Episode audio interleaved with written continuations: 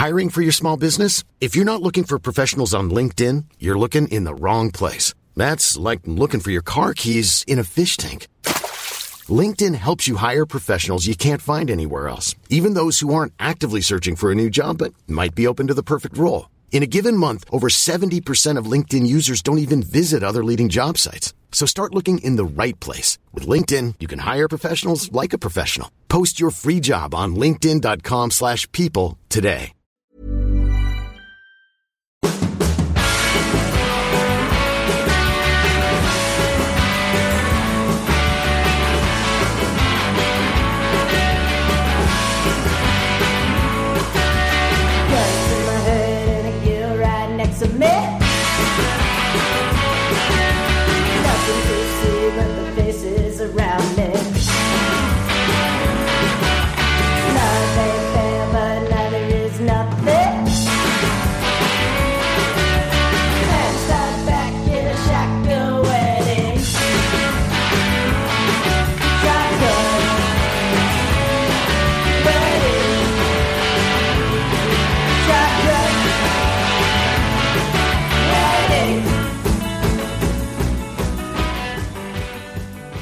Välkomna till Indiepodden avsnitt 103. Den här veckan har vi Stefan Lillevis Johansson på besök. Det är Jakob som har pratat med honom. Och Jakob Fredriksson, vad, hur, vilket humör var han på Stefan?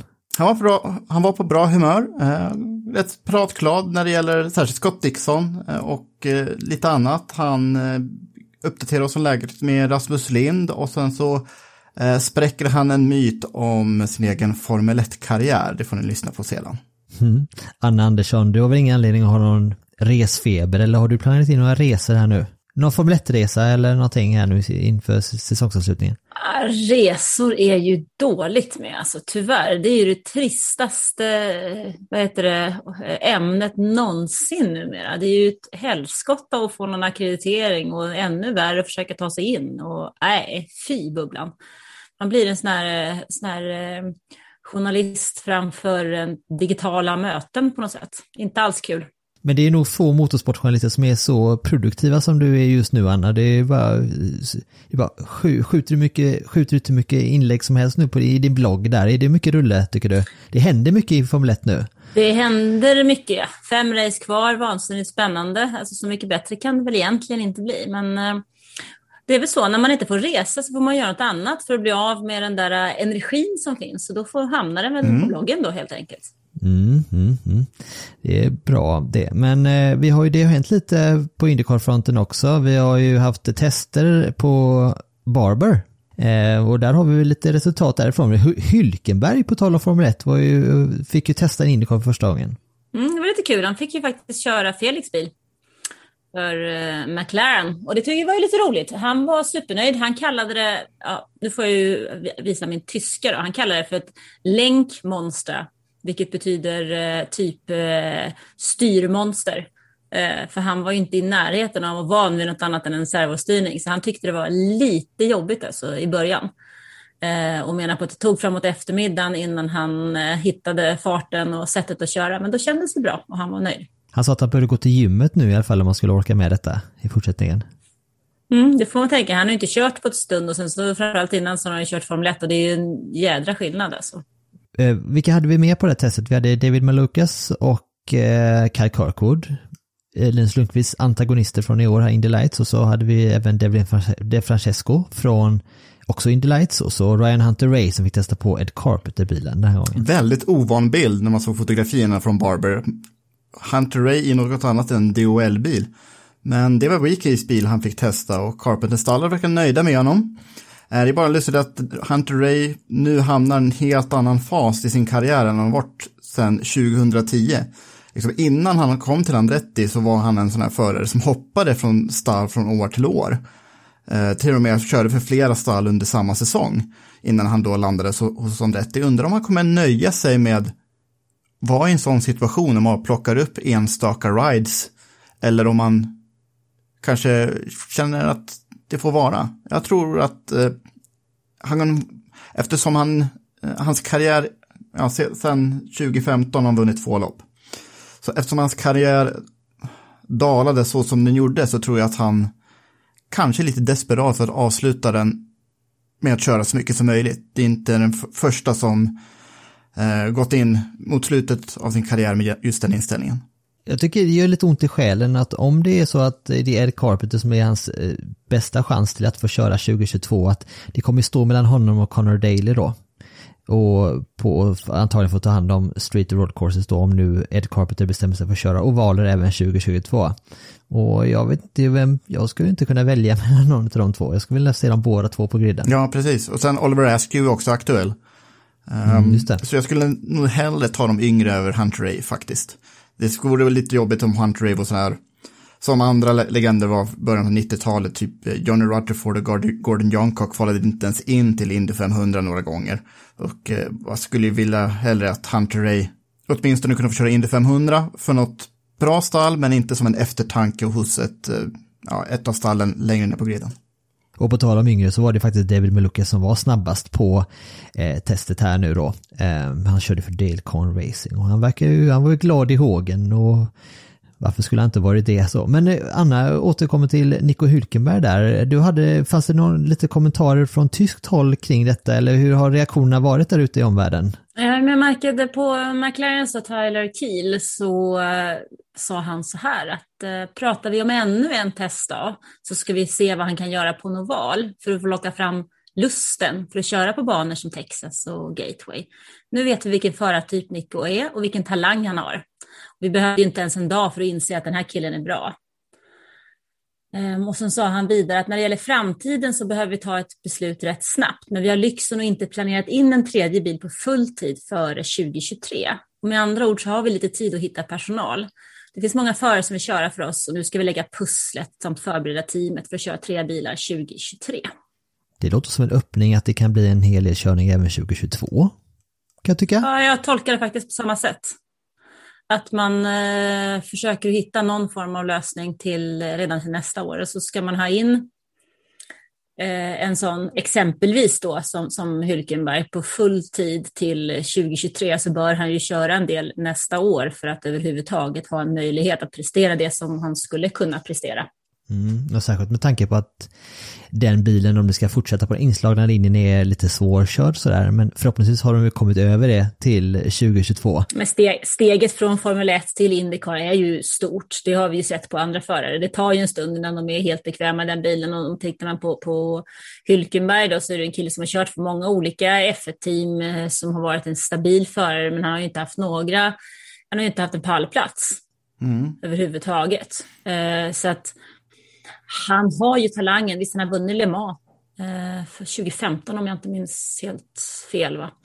Eh, så han har ju talangen, men han har ju aldrig haft materialet i Formel 1 och han är ju väldigt inkörd på Formel 1 och, och den, den typen av körning som han ägnar sig åt där. Så att han behöver säkert eh, en viss tid för att hitta rätt så att han kan göra sig själv rättvisa. Ja, det är inte, man går inte in på Indycar kortsiktigt. Då får man ju inga resultat. Se Fernando Alonso. Och på tal om det lite grann, det känns nästan som att Formel 3, Formel 2 Superformula-förare har haft en lägre tröskel in i Indycar. Eller? Delar ni den analysen?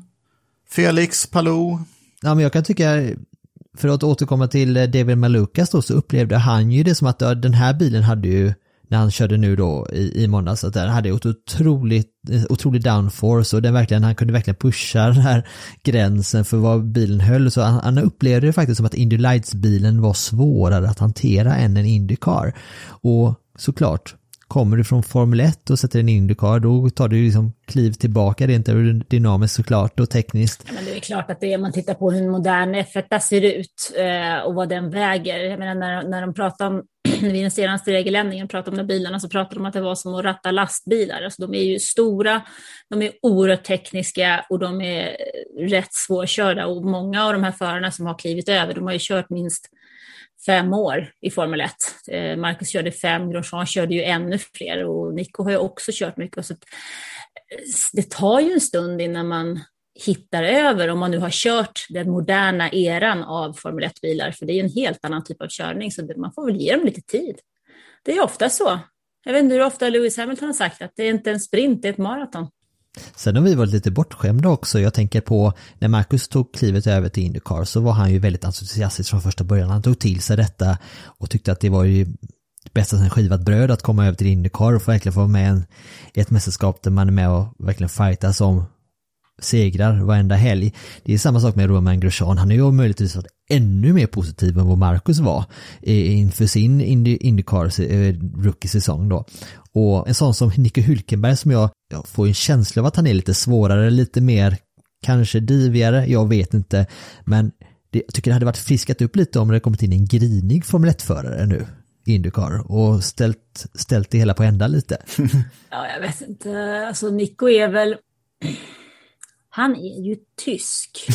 um, ah, jo, men, men, vi kan säga så här att um, när tyskar pratar engelska och ska göra sig förstådda på engelska så blir de sällan förstådda för det de är.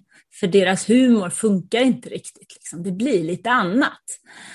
Um, och så kan man ju uppleva de här eh, kända tyska förarna som lite ja, tvära eh, diviga framförallt, för de inte riktigt har full pejl på språket. Jag har ju haft förmånen att intervjua dem på tyska eftersom det är mitt andra språk.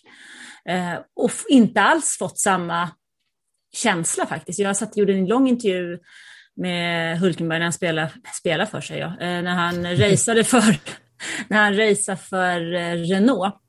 Och då fick vi rätt bra kontakt och så, så till slut så frågade jag honom, ja men hur, eh, jag tänkte jag slänger ur mig i alla fall, hur långt är kontraktet? Alltså, hur mycket har du kvar? Och så svarar han, det kan jag väl berätta, men då måste jag döda dig sen.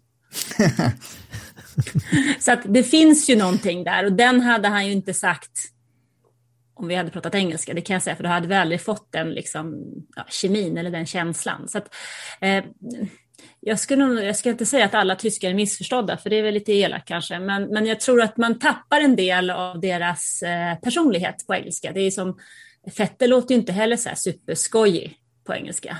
Han är ganska platt liksom. Men när man pratar med honom på tyska så kan han vara lite sådär eh, halvful och ganska rolig faktiskt. Schumacher var honom mest så. Det var den här dokumentären spräckte ju hål på myten om den diviga Schumacher. Och det var, han var ju väldigt missförstådd på det sättet. Han hade ju starkt fokus. Men på tal om ja. tyska förare, vore på tiden om det kom en sådan till Indycar finns i princip ingen tysk som har gjort väsen av sig på andra sidan Atlanten, så det är väl dags nu. Är det så? Uh, Arndt Meyer, bästa resultat typ 12 1997 eller så. Uh, Christian Danner körde några lopp, men aldrig bra. Så det finns inte så många att välja bland. Men de har ju inte, de har ju inte behövt. Nej. Alltså, tyskarna har ju kört i Formel 1 och de har lyckats där och om man inte har lyckats där så har man ju kört DTM på hemmaplan. Mm. Så att eh, de har inte haft någon, någon mm, alltså, där i det läget så har ju faktiskt eh, Indycar för dem varit ett nedköp. Så att, eh, det har inte funnits någon anledning, utan då har man ju valt antingen så har man ju fortsatt i, i DTM eller så har man kört Formel E. Så det, det hade varit lite skoj att se Hulken, tycker jag. Sen så har han ju ett namn som skulle gå hem på den sidan Atlanten, är jag rätt säker om. Jag har dröm för en social media manager i ett Indycar-stall. Jag kan redan se framför mig nu på Indy 500, om han skulle till och med skulle köra det redan 2022, eh, är fans som är utklädda till Hulken. Exakt. Grönmålade, mm. med ölmage, står uppe på en trailer och... Usch. Var det usch? det blir som den här, vad heter de nu då? Avengers. Kan ha blivit något äldre och gråhårig och lite så här skäggig och glasögon. Liksom. Vad har det hänt mer på silly season-fronten då? Jag vet inte om man kan kalla det för silly season längre. Det, nu är det ju mellansäsong, nu är det ju saker och ting ska klicka på plats nu liksom. Chrissa Lundgård, ja. klar för Rail Letterman-ländningen. Det var ju därför jag kom in på det här med Formel 3, Formel 2, superformula-förare som får lättare första, första försöket i Indycar och Lundgård gjorde succé när han kvalade in till fyra på Indianapolis Grand Prix och med det så Rahal satsar sina kort på honom. Bil nummer 30 ska Lundgård köra, alltså den som Takuma Sato har kört de senaste åren. Och eh, det, kan bli ett litet sleeper dream team, Rahal Lettman-lärlingen. För de är också klart med eh, Jack Harvey vid sidan av Graham Rahal. Det känns som en, en habil grupp förare där som kommer ta tur med det här nästa år. Och den bilen verkar ju ganska lättkörd från första början. Trevlig bil är det. Och eh, det var nog mm. många som ville ha den framför Lundgård. Så kul med en dansk till. Absolut. Och nu är det som så här att om det är så att han är ensam eh, rookie i, han är ganska ung då, Christer Lundgren, han är 20 nu, han fyller 21 nästa år. Eh, han blir nog yngst på griden nästa år om inte David Malukas får en styrning nästa år, då är det han som blir yngst, han är typ två månader yngre. Så att båda är två är, är 21 då, nästa år. De två tillsammans blir en Scott Dixon. Ja, typ. För, ja, han är ju 42 nästa år. Ja. Precis. Ja, det är bra. Ja, och sen Helio, 47 eller vad det nu kommer vara. 53 eller något sånt. Spindelman, Spindelmannen har ingen ålder. Det, det stämmer nog faktiskt. Ja, Han kan till och med vara pappa på riktigt till dem. Faktiskt. Och det har varit helt fullt rimligt, rent ålders. Eh, Ja, det hade det faktiskt varit med Dixon också. Ja, jag är ung pappa i och för sig, men... eh, han är dubbelt så gammal, kör han dubbelt så bra då? Absolut. I Scott Dixons fall så stämmer det också. Vi har åt, anledning att återkomma till eh, allt eftersom det eh, utkristalliserar sig här nu längre fram, vem som kör var och så. Det ska bli spännande att följa det här nu i senare i höst och vinter. Ready to pop the question? The jewelers at BlueNile.com have got sparkle down to a science with beautiful lab grown diamonds worthy of your most brilliant moments. Their lab grown diamonds are independently graded and guaranteed identical to natural diamonds, and they're ready to ship to your door. Go to BlueNile.com and use promo code LISTEN to get $50 off your purchase of $500 or more. That's code LISTEN at BlueNile.com for $50 off. BlueNile.com code LISTEN. Hey, it's Ryan Reynolds, and I'm here with Keith, co star of my upcoming film, If, only in theaters, May 17th. Do you want to tell people the big news? All right, I'll do. Sign up now and you'll get unlimited for $15 a month in six months of Paramount Plus Essential Plan on us. Mintmobile.com slash switch. Upfront payment of $45 equivalent to $15 per month. Unlimited over 40 gigabytes per month. Face lower speeds. Videos at 480p. Active Mint customers by 531.24 get six months of Paramount Plus Essential Plan. Auto renews after six months. Offer ends May 31st, 2024. Separate Paramount Plus registration required. Terms and conditions apply if rated PG. Är det dags att lyssna på Stefan Lillevs Johansson och han hade lite, det har varit en del lyssnarfrågor också som han besvarade va, Jakob? Jajamän, tack alla som skickade in lite frågor. Det handlar ju mycket om Rasmus Lind, det handlar en del om Scott Dixon och Felix och om Stefan själv såklart. Jag tror jag fick med allting. Eh, så mycket nöje. Stefan Johansson, jättekul att prata med dig än en gång. Eh, hur har eh, säsongen 2021 varit för dig? Det har ju varit lite mixad säsong kan man säga. Det har inte varit riktigt bra på något håll egentligen. Va? Men eh, okej okay, okej kan man säga. Det, det, I Scotts fall till exempel så är det nästan alltid året efter han har vunnit ett mästerskap verkar det som att liksom är lite sådär halv okej följande säsong. Inte för att det inte är liksom effort som går in i det utan mer att det liksom strategin faller inte på rätt plats liksom och li, lite otur. Så jag menar, i år han dominerade ju Indianapolis kan man säga hela månaden. Och sen klantade de till det på första depåstoppen när de körde soppatorskar. Och sen fick han Vaporlock då, så det var ju liksom, då var ju det över liksom. Och sen de följande fyra racen liksom där han kanske var i position att vinna varenda race så gick strategin åt skogen också. Va? Det, med Indycar är det ju lite grann så tyvärr, liksom, man kan både vinna och förlora på bra strategi så att säga, va? vilket ju är frustrerande när man är på fel sida om det givetvis, men samtidigt är det ju eh, bra liksom om, man eh, liksom rullar tärningen och det faller i famnen på en, liksom, som det har hänt med många förra också, liksom, som ligger typ 15, 17, 18 och sådär. Sen helt plötsligt leder de liksom och vinner racet utan att ha passerat en bil kan man säga. Så att eh, det blir ju så ibland. Mm, om vi går igenom dina förare då, så varför inte börja med Scott? Så han är inte nöjd med 2021 alltså? Nej, självklart inte. Va? Han är ju, jag menar, i hans fall är han ju inte nöjd om han kommer tvåa i mästerskapet. Va? Ännu mindre fyra. Liksom. Det, det, liksom, det har ju inte varit en bra säsong, och det har det ju inte. Men det har ju, det har ju varit mer omständigheter än något annat egentligen. Va? Även om man hade lite, lite svårt i början kanske att få klubb på däcken. Alltså de har ju ändrat däcken igen till i år. Och uh, men så inte säga kvalitet, men alltså prestandan på däcken blir lite sämre varje år kan man säga. Och det gör ju att man får adaptera både körstil och även inställningar på bilen väldigt mycket och för att liksom få, få det att funka. Va? För dels kör man slut på däcken alldeles för fort och sen har de för dåligt grepp. va. Så att det är liksom så otroligt liten marginal nu med liksom när man har grepp i däcken när man, när man svänger in. Va? Kör man över den gränsen då är det liksom det är som någon sparkar ben av en ungefär. Liksom. Då det, finns det ingenting. Liksom. Så, att, um, så det är en väldigt fin balans där. Och, uh, jag tror det är därför mycket att de unga killarna som kommer att ta upp från Europa framförallt, för även Lundgård och de här, har gjort så bra direkt för att de är så vana vid just den typen av däck. Va? De har kört den typen av bilar, liksom F3, F2, allting, Mm. eh, hela tiden kan man säga. Där man måste vara väldigt, väldigt man säga, snäll mot bilen. Man kan inte köra aggressivt, va? för då, bara liksom, då finns det inget grepp alls när man kommer över gränsen. Va? Det låter som att det har varit liksom styrka väldigt länge i och för sig. Jo, precis. Va? Det, det tog lite grann längre tid för dem att få klur på det år, tror jag, än vad det har gjort innan. Så så små marginaler är skillnaden mot en mästerskapsseger och en fjärde plats som man heter Scott Dixon. Ja, det, alltså det... Inte bara just på det, alltså det var ju, i hans fall var det ju mer liksom att han förlorade stora poäng genom att strategin gick åt skogen. Mm. Jag menar, Indy var dubbelpoäng också. Va? Hade han vunnit det va? så hade han ju säkert vunnit mästerskapet också fort, fortfarande. Va? Vet, han kom, kom ur det med noll poäng i princip. Va? Så att eh, från att mm. ha liksom varit på pool och liksom bara cruisat hela tiden kan man säga. Va? Liksom, hans bil var ju så sjukt snabb i år. Uh, och det, det, det, det, det är ingenting man bestämmer själv ofta heller på Indy, utan liksom ibland rullar man av bilen från lastbilen och den är så otroligt snabb. Alltså, bara liksom, den är bara, och likadant kan det vara vissa år när man liksom, det spelar ingen roll vad man gör med bilen så går det inte fortare. Som Alonso till exempel, det året när inte han kvalade in. Just det. Jag menar, han är ju självklart kapabel förare, men bilen det fanns ingen speed i bilen helt enkelt. Mm. Men Scott Dixon har ju hållit sig ung längre än någon annan i Indycar någonsin kan man ju nog säga. Men ändå är den vanligaste frågan när det kommer runt honom just nu, det är hur länge kommer Scott Dixon att fortsätta köra Indycar? Vad tror du? Ja, han har ing, absolut inga planer på att sluta än, kan lova. Vi, vi käkade middag häromdagen, han var i Los Angeles och vi snackade rätt mycket om det. Va? Han är lika hungrig som han alltid har varit. Han har precis kom tillbaka och varit ute och sprungit 14 kilometer, liksom, dagliga rutinen. Liksom. Han bara suttit och käkat middag. Så liksom det, han backar inte utan han är totalt motiverad som vanligt. Så.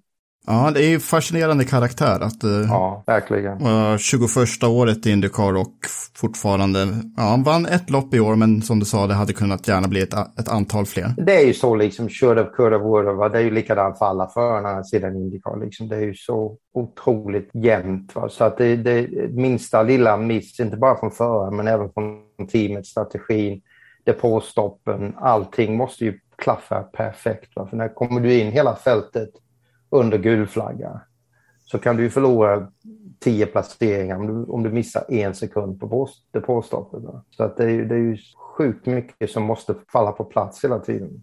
Så det är inte bara Scott som har haft en säsong som, eh, ja, han har hoppades på mer, utan jag tänker också på Felix Rosenqvist som total skräpsäsong. Eh, jag pratade ju med honom för några veckor sedan, han är ju realistisk och rätt ärlig i sina svar, men det är ju ingen mm. kul säsong. Har du varit med om något liknande när farten varit okej, okay, men inga resultat som är nämnvärda? Ja, visst det blir alltså, det är ju så. Va? framförallt när man är ett sånt mästerskap som Indycar där det är så otroligt jämnt som det är hela tiden, va? så är det ju ytterst små marginaler hela tiden som gör jättestor skillnad. Va? Jag menar, han hade ju, det var ju en katastrofal säsong kan man säga på alla avseenden. Men och visst gjorde Felix lite misstag här och där. Va? Och han hade ju jävligt tufft i början. Men att klura ut bilen, för det var ju så otroligt annorlunda att köra gentemot uh, Ganassi-bilen. Liksom rent körmässigt och inställningsmässigt. Så jag tror han liksom fick spendera nästan första halvan på säsongen bara, framförallt på alltså road courses och gatloppen. Va? När man inte är komfortabel i bilen liksom och bara kan sätta sig och köra och koncentrera sig på liksom, nu svänger jag in här, nu ska jag vara på Apex där, ge gas här, sådär. Liksom, utan man får liksom, vet, man kämpar hela tiden bara för att hålla bilen på banan i princip utan, liksom, utan att krascha helt enkelt. Va? Och då är det ju liksom, du vet, det blir ingen rytm i körningen eller någonting. Va? Men mm. Valna däremot var ju bilen jättesnabb från början. Va? Jag menar Texas hade han ju, skulle han ju haft podium i bägge racen egentligen. Och jag tror han hade vunnit andra racet om, om inte det hade strulat där med depåstoppen och här. Så att eh, där var han ju sjukt snabb. Han satt liksom bara cruisade bakom Newgarden hela tiden och väntade på sista stintet ungefär. Så att där tro, jag tror faktiskt han hade kunnat vinna det. Men sen efter det så var liksom även, jag menar han var ju snabbare än Patt och ganska konsekvent från andra halvan framåt kan man säga på kvalen. Och även i Detroit till exempel där han låg jag menar, där hade, hans strategi var ju vinnarstrategin. Så det hade ju säkert gått jättebra också. Va? Och sen eh, det här med bromspedalen då. Va? Och då missade han tre race efter det, liksom plus, alltså in, eh, Detroit två race plus två till. Va? Så att det var ju, du vet, det var fyra tävlingar utan några poäng där också. Va? Så att det var ju kombinationen av allt det här gör ju att det blir ju, det multipliceras ju så otroligt fort. Va? Mm. Hur jobbar man med självförtroendet när man hamnar i en sån här svacka då? Finns det mentala coacher, sportpsykologer i Indycar-paddocken? Nej, det tror jag inte det finns så mycket. Jag vet inte vad individuella förare gör liksom privat och sådär. Men eh, det är ju tufft, man får ju gräva djupt. Men jag tror det viktigaste är, som jag alltid försöker säga till alla förare som jag jobbar, liksom, ska alltid lita på magkänslan. Det är liksom, den säger sanningen i slutändan. Va? Liksom, man vet ju in, inom sig själv när man har klantat till det själv eller, eller känner man att man liksom inte har gjort något, då är det bara att gräva djupare, och djupare, djupare och då hittar man i regel vad det är som är problemet. Och det, jag menar med, i Felix fall till exempel så, jag menar det var ju tufft i början va? Med, med just att bilen var så svår att köra, inställning och sånt. Va? Men han kom ju liksom, i slutet på säsongen tycker jag han var mer än väl ovanpå allt det liksom, va? och hade kontroll över hela den situationen. Va? Sen att strategi och allting sånt inte föll på plats, va? men uh, rent speed så var, det ju, var han ju i topp 6 i kvalet i flera tävlingar. Va? Så att, och, och det är ju otroligt svårt nu i Indycar att bara komma in bland de sex snabbaste på kvalet. För det handlar ju om en halv tiondel många gånger. Liksom, va? Det är ju så sjukt så, hur jämnt det är nu. Va? Så med det i åtanke, vad tror du om Felix möjligheter under 2022 med det här materialet? Det tror jag mycket. Jag tror starkt att han kommer vara väldigt... Jag tror han kommer tillbaka mycket starkt nästa år faktiskt. Det, det känner jag att jag, också teamet eh, är ju taggad liksom och, och, och, gör de ändringar som de känner att de behöver liksom för att liksom kliva upp på nästa steg så att säga. Och sen, du har inte nämnt Alex Palou, så då gör jag det. Är Palou i Dixons nivå, liksom, kommer han att kunna göra samma, slags, samma slags karriär som Dixon gjort nu? Nu har han slagit honom i första säsongen. Det, det är ju omöjligt att säga, va? men han är ju otroligt duktig. Det är inget snack om saken. Va? Han har ju eh, verk, verkligen, eh, jag menar, ett talang, det kan man ju snacka om, för det är, mycket mer en talang som spelar avgörande i, i, på den nivån. Va? Men uh, uppenbarligen så är, han ju har han ju den styrkan, liksom mentala styrkan också som kanske krävs. Men sen är det ju liksom vinna sex eller sju mästerskap. Liksom, det är ju en helt annan sak. Va? Det är ju, men jag menar, och det beror ju lika mycket på teamet som det gör på honom. Va? Det är ju liksom så otroligt många faktorer som spelar in givetvis. Va? Men eh, Ganassis team också i, i år har ju varit sjukt starka. Liksom, alla bilarna har ju varit markant snabbare och högre upp liksom, i alla racen än vad de har varit så, så på flera, flera år innan. Liksom, konsekvent över hela säsongen. Men det är inte alltid så. Va? Det kan ju, du vet, du ser, då kommer Andretti på någonting nästa år, och då är de snabbare. Eller också är det Penske. Jag menar, alla teamen nu i Indycar är ju ett bra team också. Va? Det finns ju inga dåliga team längre. Även när du tittar på Dale Coyne, dominerar vissa race liksom, va? och Ed Carpenter. Och, man tänker med de resurser de har i jämförelse, det är, ju liksom ingenting egentligen. Mm. Vad säger du om Marcus Eriksson och Jimmy Johnsons säsonger då? Ja, Marcus har ju gjort ett jättejobb också. Liksom, jag menar, vinna två race. Va? Och liksom, han har ju kanske gjort det största klivet framåt. Va? Men igen, liksom, framförallt hans racecraft tycker jag har varit mycket starkare än vad han har varit tidigare. Liksom. Och igen, va? men det är ju alltså, de har ju så bred ingenjörsbas också nu. Va? Så jag tror, jag tror också Marcus och hans ingenjör, de jobbar ju väldigt, väldigt tajt. Va? Och de har ju de har hittat det där, the magic bullet liksom, som funkar för honom. Och det, det är det som är så viktigt, liksom, att hitta den där sweet spoten på setupen liksom, där man känner sig komfortabel i bilen. och jag tror Marcus är definitivt där nu, för man ser framförallt på första passet på träningen. Det är ofta en bra indikation på hur bra bilen är liksom, när man rullar ut den ur lastbilen. Och Marcus är nästan alltid med topp. Han är ju oftast snabbast av Ganassi-förarna, faktiskt första passet till och med. Så att jag tror att um, Brad Goldberg, hans ingenjör där, han, jag har jobbat med honom också tidigare, under 200 år sedan ungefär när jag körde. Då. Men han är, han är, han är så här som gnetig, som liksom, han ger sig för liksom han hittar det som han söker egentligen. Va? Och det är det som är så otroligt viktigt nu i alla klasser av racing egentligen. Va? Man måste liksom hitta det där magic bullet, liksom sweet spoten som alla söker. Liksom.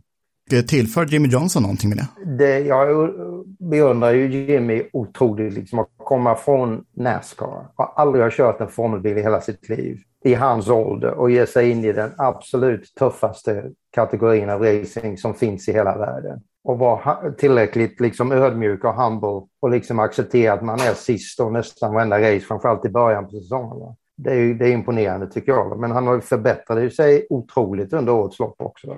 Jag menar, nu är han ju på den nivån liksom, där han är liksom åtminstone nästan där och mix it up lite grann med, med de andra. Va? Men nästa steg, alltså ju närmare man kommer till liksom täten, ju tuffare blir det ju. Liksom varenda halv procent till, det, jag säga, det, det är rätt lätt att vara 95 procent, men då är man medioker. Och de där sista 5 procenten, det är liksom ett jävla gnet. Alltså det är, man får jobba som, alltså på allt, allt, allt för att liksom slippa till sig en halv procent där, en kvarts procent där, liksom så, så att man kommer till, jag menar man kan säga, ligger man runt 98 så där så är man ju, det är så bra som det går att bli nästan. Sen har du då vissa fall, typ Lewis Hamilton, kanske Scott i vissa fall, liksom som är exceptionella då, va? som liksom kan ligga på den här höga nivån hela tiden. Och det är just det som är den stora skillnaden.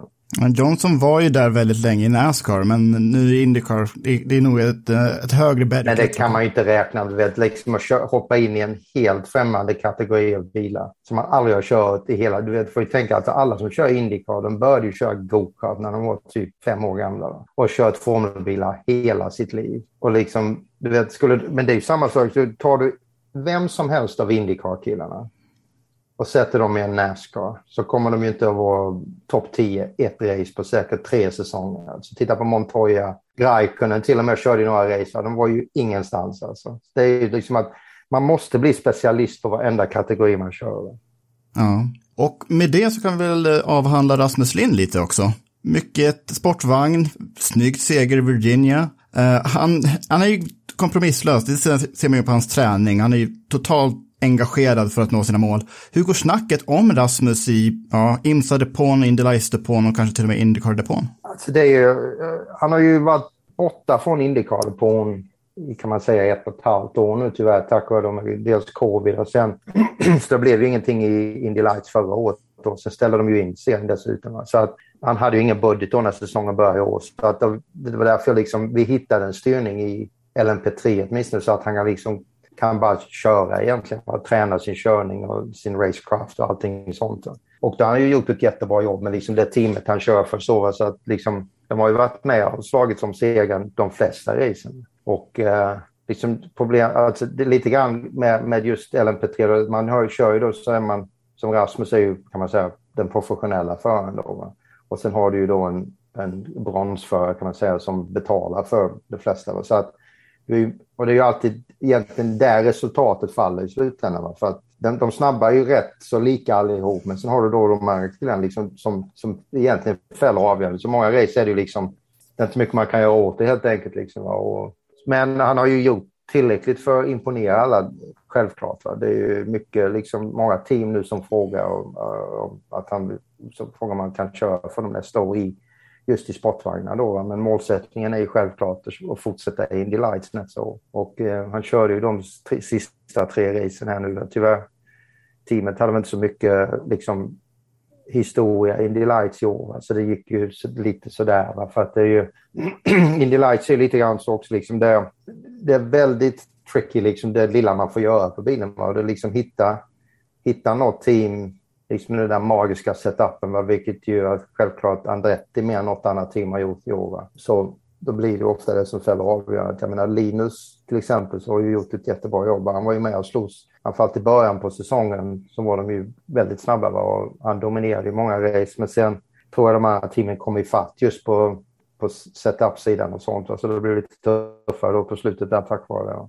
Men så det är inget klart inför nästa år för Rasmus? Nej, absolut ingenting än optimistiska? Ja, milt optimistiska kan man säga. Va? Det är ju alltid tufft. Alltså det, alltså det är ju tråkigt att det alltid ska komma till ekonomin, i, framförallt i juniorklasserna. Va? Så att det, det blir ju alltid en, en lite bollning fram och tillbaka med alla, alla olika optioner man har. Liksom, va? Men, uh, men någonting blir det säkert. Ja, det håller vi tummarna för. För som segern i Virginia till exempel, att, att vinna med en omkörning på sista varvet är ju häftigt, men att vinna också en spin and win. Uh, har, du, har du gjort en sån? Spin and win, ja det tror jag nog jag har gjort. Va? Det är Sportvagnslopp är ju långa. Sport, sport, eller Japan när man körde där någon gång, kanske eller F2 på den tiden. Något sånt. Det är ju bara en grej, spin and win liksom. Va? Det, är ju, det kan ju vara 7000 olika anledningar liksom. Var, var, liksom det kan ju inte spela, i, i Rasmus fall, det var ju spektakulärt visuellt och så, men han förlorar ju inte mer än några sekunder på det egentligen. Va? Däremot liksom kan man ju ha race där man leder, kommer in i depån och det rullar ett hjul nerför depån, depån liksom man kommer ut som tjugonde och sen kör upp sig till vinst igen. Liksom. Det är ju så många olika orsaker som kan liksom påverka just det. Liksom. Mm. Det ska ju vara show också. Racing är ju underhållning i sl slutändan. Ja, absolut. absolut. Ja, det är ju också många av våra lyssnare som undrar vad, vad du håller på med. Du har inga tankar på att damma av hjälmen och köra något igen? Nej, inte än. Det har varit fem år nu. Va? Jag har fortfarande inga större, större känslor för att liksom hoppa i en bil igen. Liksom. Jag, jag körde ju så länge jämfört med alla som kom från min, min era kan man säga. Va? Mm. På, på, hög nivå kan man säga i sportvagnar och sånt. Va? Så att eh, när dagen väl kom sen, liksom, när liksom, nej, nu liksom, nu är det nog, då kände jag liksom att då bara stängde jag igen allting. Liksom. Så att, eh, Inte ens historisk racing? Nej, jag, jag har ju kört Goodwood några gånger sådär innan. Det kan väl bli att jag kanske hoppar in i någon bil någon gång. Men jag menar, det är, liksom, det är samma sak där lite grann. Liksom, va? Ska man liksom göra, jag känner liksom, jag alltid känt, ska man göra det, ska man göra det liksom rätt på något vis. Liksom. Annars känns det inte... Eh, det, det är jag liksom hellre med på helgen liksom, och sitter och snackar lite skit med mina gamla kompisar. Va? Och, istället för liksom, för man ska man in, ska man köra, liksom, måste man komma in i det där mentala stadiet. Liksom. Det blir som en transformering i, liksom, när man när man klär om sig till overall och sätter på sig hjälmen, då är man en helt annan människa. Va? Och jag vet inte om jag vill plugga in till hela den processen igen, liksom, för det är, det är, liksom, det är inte bara liksom att nu ska vi köra bil, liksom, utan det är, liksom, det är total fokus på det man gör. Då, liksom, va? Och eh, nu har jag ju min konst, det är det som jag håller på med mycket istället. Va? Jag mm. känner liksom, nu har jag lagt ner all energi och liksom samma mentala liksom, attityd till det som jag har haft med racingen i hela min karriär. Så att eh, jag håller på att jobba hårt med det nu istället och det älskar jag också. Mm. Det är annorlunda, men det, det, är inte annorlunda egentligen, för det mentala stadiet är ganska likt egentligen. Liksom disciplin, fokus och liksom allting liksom måste vara rätt. Liksom. Passion driver både racerförarlivet och konstnärslivet. Absolut, absolut, 100 procent. Och sen, ja, är det sant att du nästan körde för Jordan 1991? Nej, aldrig. Nej. Det är Eddies jävla story liksom, men det var aldrig något snack om det. Jag diskuterade inte en enda gång om det okay. faktiskt. Eddie, var ju, alltså Eddie är ju inte mina bästa kompisar. Vi har ju umgåtts, du vet, vi, vi var ju stallkompisar i F3. 1979 typ? Eh, 70, 79, 79 och sen vi har ju varit bästa polare i flera år efter det. Va? Så att eh, han bjöd upp mig där, men det var liksom aldrig någon diskussion om att eh, jag skulle köra någonting. För jag var ju redan lite halvvägs till USA på den tiden, då redan. Va? Så att, eh, det, var aldrig, det var aldrig aktuellt faktiskt. Mm, ja, men det är precis sånt vi alltid får in när det är tal om mm. att Stefan Johansson ska besöka Indiepodden. Så ja. därmed får jag säga tack så mycket Stefan för att du tar dig tid. Ja, självklart. Och eh, förhoppningsvis så hörs vi igen om ett tag. Det kommer ju bli mer av Indiepodden och den här varan. När som. Ja, han, han kan väl ändå officiellt tituleras Indiepoddens husgud? Stefan, ja. han är ju fortfarande ett household name. Trots att han gjorde debut då i Formel 3 1979, kanske ännu tidigare. Eh, så det är ju fortfarande så, när man säger att man ska prata med eh, Stef Stefan Johansson, eh, kanske till en kollega, så, så får man svaret, åh, Lilla, Lillövis, jag var en stort fan av honom på 80-talet. Så det är kul att uh, fortfarande någon som körde för Formel 1 då för Ja, sista loppet var för 30 år sedan. Ja, det, det är väldigt imponerande tycker jag, just för de som kanske inte är, är superinbitna motorsportfans utan har liksom följt Formel 1 från till, eller som du säger då på, på 80-talet, där att de fortfarande minns honom. Sen för oss som, är, som följer det här på nära håll och kanske flera serier, både Indycar och Formel 1 och sen så är han ju fortfarande väldigt relevant med tanke på att han är så pass aktiv som manager till mm. exempel här nu då för eh, bland annat Scott och, och Rasmus och Felix. Alltid mycket närvaro från honom. Så 30 år sedan är alltså hans sista Formel 1-lopp. Och kul att han spräckte myten då med Jordan 91, men det var ju med Arrows Footwork som han hoppade in i några, några lopp. Han kvalade bara in till ett enda då i Montreal för 30 år sedan. Men eh, ja, vi kommer ju få höra mer från Stefan senare. Jag ser redan fram emot när han ska vara med nästa gång. Ja, precis. Eh, en sak vi måste gå igenom är ju Indiepodden Awards som vi utsåg själva eh, för ett par avsnitt sedan och nu har vi låtit se ifall våra lyssnare håller med oss. Och eh, vi har ju slängt upp en del inlägg på våra sociala medier och se vad folk känner. Och jag tror att eh, våra lyssnare är partiska till svenska förare, Ronny. jag märkte det också. Så vi, till exempel, årets uppkörning så nominerade ju då vi eh, Colton Hurt av Long Beach, det var min favorit. Eh, vi hade ju också Pato i Detroit och Marcus i Nashville. Så våra lyssnare, jag tror alla svarade Marcus i Nashville. Ja, och efter att ha tänkt till lite, för jag sa också Marcus i Nashville nämligen. Men jag är beredd att hålla med dig, Jakob. efter att ha liksom tänkt till lite nu i en vecka och faktiskt gått igenom highlights från de här racen och så en gång till. Och det, alla tre kan man säga hade väl varit en värdig vinnare här. Samma sak med årets eh, WTF, What the Fanders. Bara fråga, är det någon som säger emot Marcus fadäs i Nashville, flygturen där? Ingen ville säga emot. Nej, men det där å andra sidan, det kan man säga, det, den är ju självskriven. Ja. Den tror jag alla hade varit med om, om, oavsett om det har varit en eh, amerikan i Arizona eller om det har varit en eh, dansk i Köpenhamn eller en, en svensk i Uppsala. Ja, precis, faktiskt. Men sen, eh, årets frisyr var också så här, Connor Daly verkar också ha varit fanfavoriten. Men det roliga med den här omröstningen var årets livery. För där blev vår omröstning kapad av Top Gun Racing. Och det vällde in en del svar från amerikaner som jag inte tror lyssnar på den här Indiepodden, utan snarare med Marshall Pruetts podcast. Eh, Men svenska lyssnare tycker också mycket om Top Gun Racing, så Ronny, du får nog sista ordet där. Ja, men jag håller ju bifalles Top Gun Racing, årets livery. Mm. Så får, ja, jag ställer mig i ledet. Och jag tycker framförallt kaxigt från Top Gun Racing när de i kommentarsfältet, ett av våra- ett av våra kommentarsfält, la upp bilden, en, på en hel bild av bilen. Så att ja, när, när, ni ska, när, när vinnaren är korad så använd den här bilden, för där får ni med hela bilen. Ja. för det var visst den bilden, bilden som du hade valt ut Jakob, det var ju typ så här, Ja, kroppad. två tredjedelar blev kroppad lite så. Så att eh, de har ju tagit ut segern i förskott Ja. här, men det tycker jag, men det, det unnar vi dem Ja, faktiskt. Så uh, Indiepodden Awards 2021 var det. Uh, det är lite kul att höra folk, vad folk tycker om sådana trivialiteter som händer under året. Men det är ju en väldigt färgglad sport det här, så vi ska ju unna oss att titta på sådana här lustiga grejer också. När det gäller motorsport så är ingenting trivialt Jakob. Det, det stämmer faktiskt.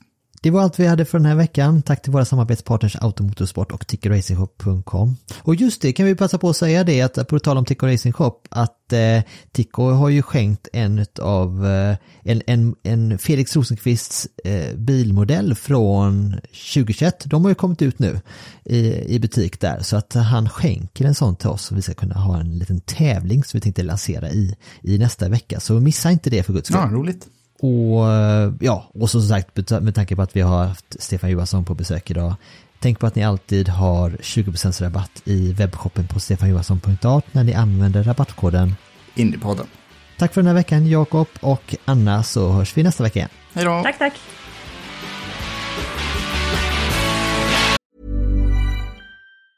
The secret to summer ready skin is here. Osea's number one best selling Andaria algae body oil, clinically proven to instantly improve skin elasticity and transform dry skin to silky, soft, and unbelievably glowing. Its signature scent of freshly squeezed grapefruit, cypress, and mango mandarin transports you to sun kissed summer days. Get healthy, glowing skin for summer with clean vegan skincare from Osea. Get 10% off your first order site wide with code GLOW at OseaMalibu.com.